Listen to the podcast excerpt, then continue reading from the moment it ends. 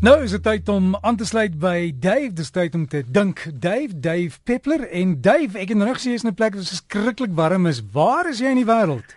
Ek sit op die ou Oranje op die Gariep by Appington.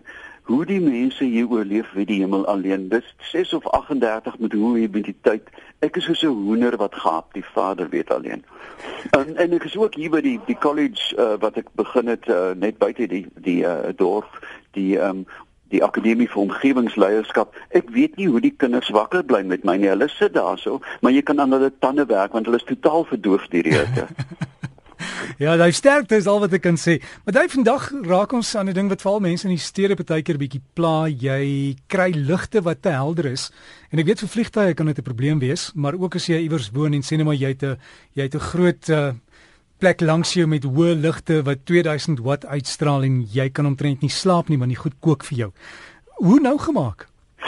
Kyk, uh, direk, kom ons dink eers gou net aan jy het gesê vliegtye, maar wat van voels? Hierdie ligte verwar voels. As jy 'n olyf luister het wat jou soggens wakker roep, gaan hy 3 of 4 uur die oggend al begin want hy het geen maatstaf om dag en nag aan te meet nie. Uh, dink daaraan hoe dit is die tegniek wat gebruik word om hoenders te laat aanhou lê. Die daglengte word bepaal op lengte wanneer hulle in elk geval lê en daar gehou en vir die res van die jaar lê daai antibrein eiers. Met ander woorde, standvoels, voels wat daar voorkom, nog erger trekvoels twee maal die jaar uh, trek 'n aantal voels suid oor ons groot stede en dan as dit herfs word weer noord. Hierdie ligte verwar hulle ernstig en dit kan hulle sukses in migrasie ook uh, beïnvloed. Ek dink nog meer ernstig is die feit dat almal van ons het 'n ordentlike nagrus nodig. En dit beteken dat ons sinema tussen 6 en 8 uur moet ons vas slaap. As jy hierdie gloed deur jou gordyn het, kan jy eenvoudig nie in die sogenaamde rapid eye movement slaap ingaan nie. Die diep slaap, die werklike russlaap. En 'n mens sien in Europa dat jy naas 'n gordyn nog 'n aftrekblinding het wat die hele venster afsluit. En ek dink eintlik hierdie uh, ligte hou gesondheidsgevare in.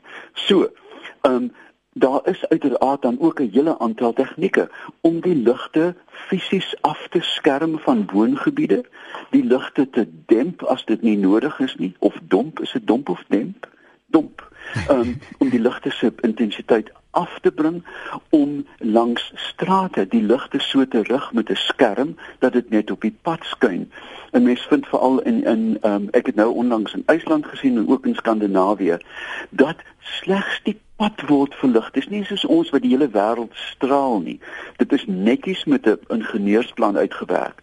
Ek dink dat ons het die reg om te kla as die ligte ons pla. Ja, en Dave, ek ek sien wat maatskappye ook doen is baie keer sê hulle jammer, ietsie so so stadionligte los hulle aan want hulle is bang die mense steel die kabels. Maar om 2000 watt ligte te laat brand gebruik baie meer krag as seker die kabels werd, ek weet nie. Die nee, nee, die, die, die kabels is duur, maar 2000 watt per toren per nag betaal 'n baie oulike wag om rond te loop met 'n ja, flits. Ja, ja dis ook nee? waar, né? Nee? Nee, nee, nee, nee, nee. Ek dink hulle het eenvoudig nie hulle somme gemaak nie. Ja, ons ons sal hulle op jou spoor sit of jy op hulle spoor sit, nee. Nee, nee, nee, ek is 'n onafhanklike konsultant. Dis 'n persoonlike mening, dis 'n persoonlike. Nee, dis doodreg, Dave. Nee, ek, ek is be, ek is bereid om te beklei. Dave, ons praat oor oor ligbesoedeling, maar ek het vir Andrei de Kok van George op die lyn en hy praat van een van die ander ligte wat hier uit die hemel uit neerslaan, weerlig en hy sê hy het 'n vraag vir jou daaroor. Kom ons luister. Andrei? Goeiemiddag, Dave. Hallo Andrei. Dave, ek wil net weet wat veroorsaak die geluide van donderweer en wat veroorsaak die die die die weerligstraal? Goed.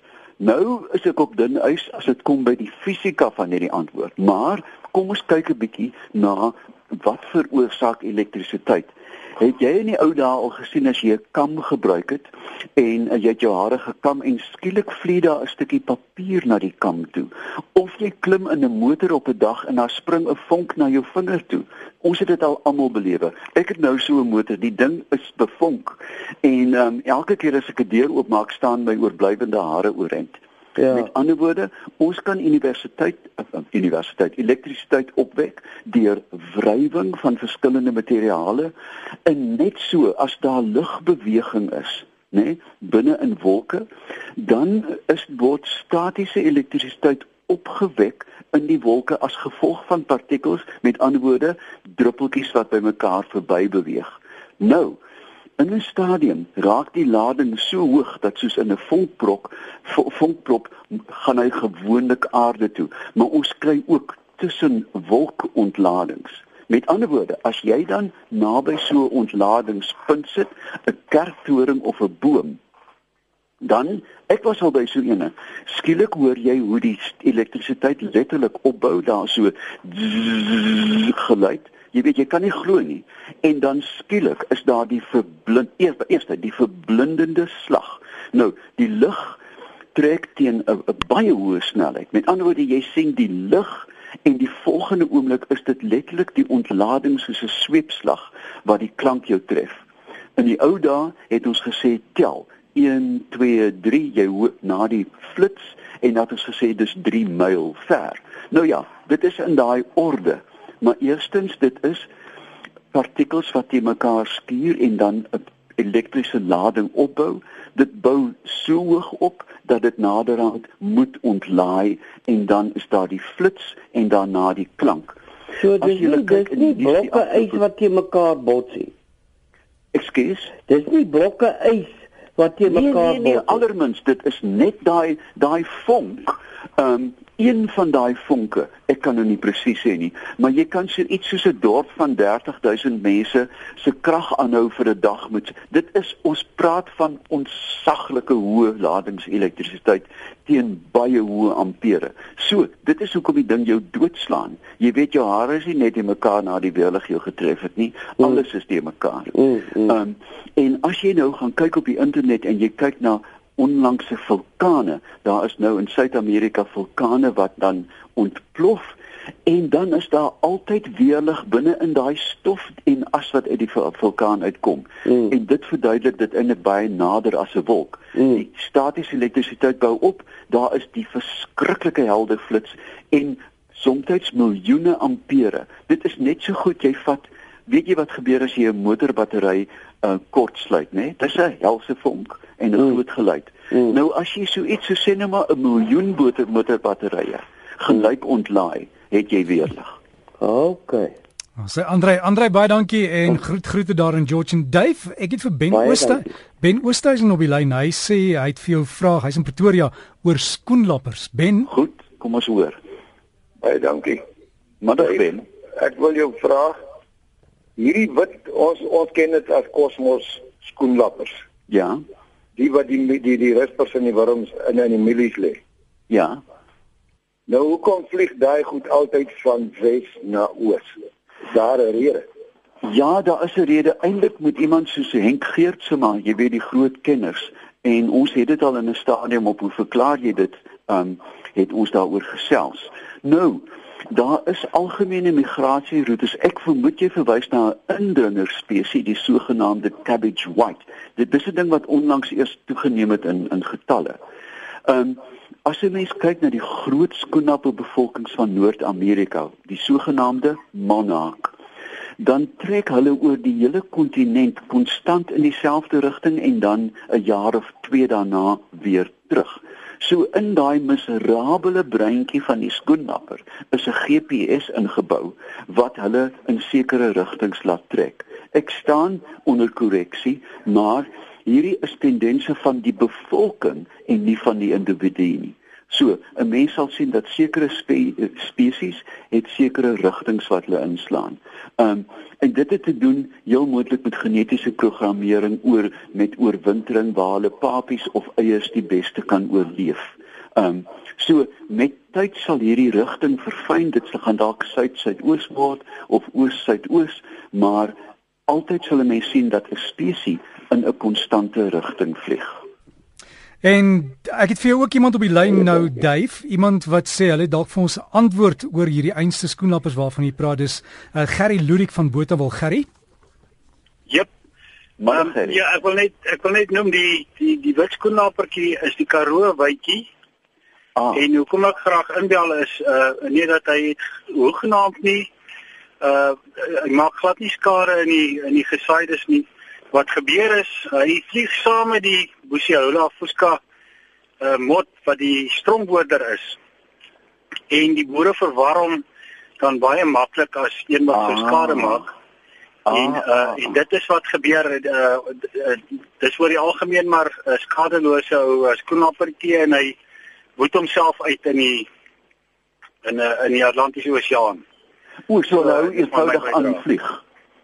Ja, uh, sy nageslag hou aanvlieg totdat hulle die laaste in die in die see vlieg en dan weer kos is vir die vir die visse. My magtig. Ek dink baie dankie vir die inligting. Ek dink dis 'n baie waardevolle stelling dat ons seker maak dat ons sê die skoennapper is 'n pes op die en hier het ons nou 'n pragtige voorbeeld van iemand sê dat hulle saam met 'n skade vormende motvlieg. Hmm. Maar baie dankie vir daai korreksie. Ja, en baie dankie aan Gerry Ludik vir daai. Uh, Dave, dan ons laaste ene is Gert Neetling van Moreesburg wat ook vir jou vraag het of ek dink is amper 'n antwoord iets wat lank terug gaan uh, oor die die weerlig Gert. Uh, ja, dit gaan nie oor die weerlig net gaan oor die statiese elektrisiteit ja. op die motor.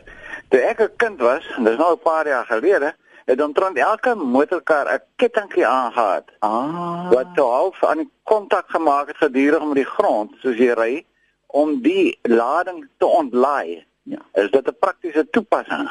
Ja, kyk, ek dink dit was natuurlik 'n tipiese boeremiete, want hulle het gesê as jy nie 'n ketting agter aan jou DeSoto of jou Pontiac Parisienne het nie, dan gaan almal in die motor siek word as gevolg van die elektrisiteit, né? Nee?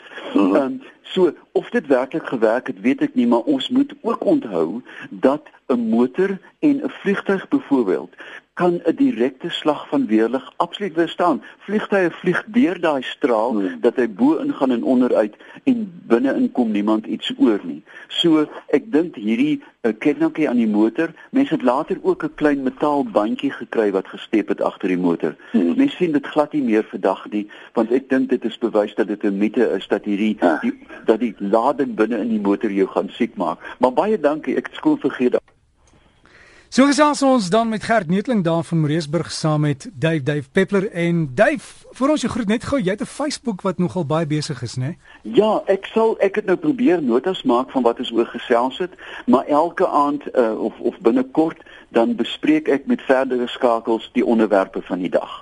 En uh, my laaste vraag net vanaand oor die lugbesoedeling, daar is owerhede waar mense sulke gevalle kan aanmeld en sê hulle besoedel my omgewing met die lug uh, kan hulle asseblief 'n plan maak, né? Daar is munisipale riglyne vir lugintensiteit, vir geraas, vir gasse. Al die goed is volgens reglemente en wette vasgelê. Jy moet net gaan vra en dit moet aangespreek word.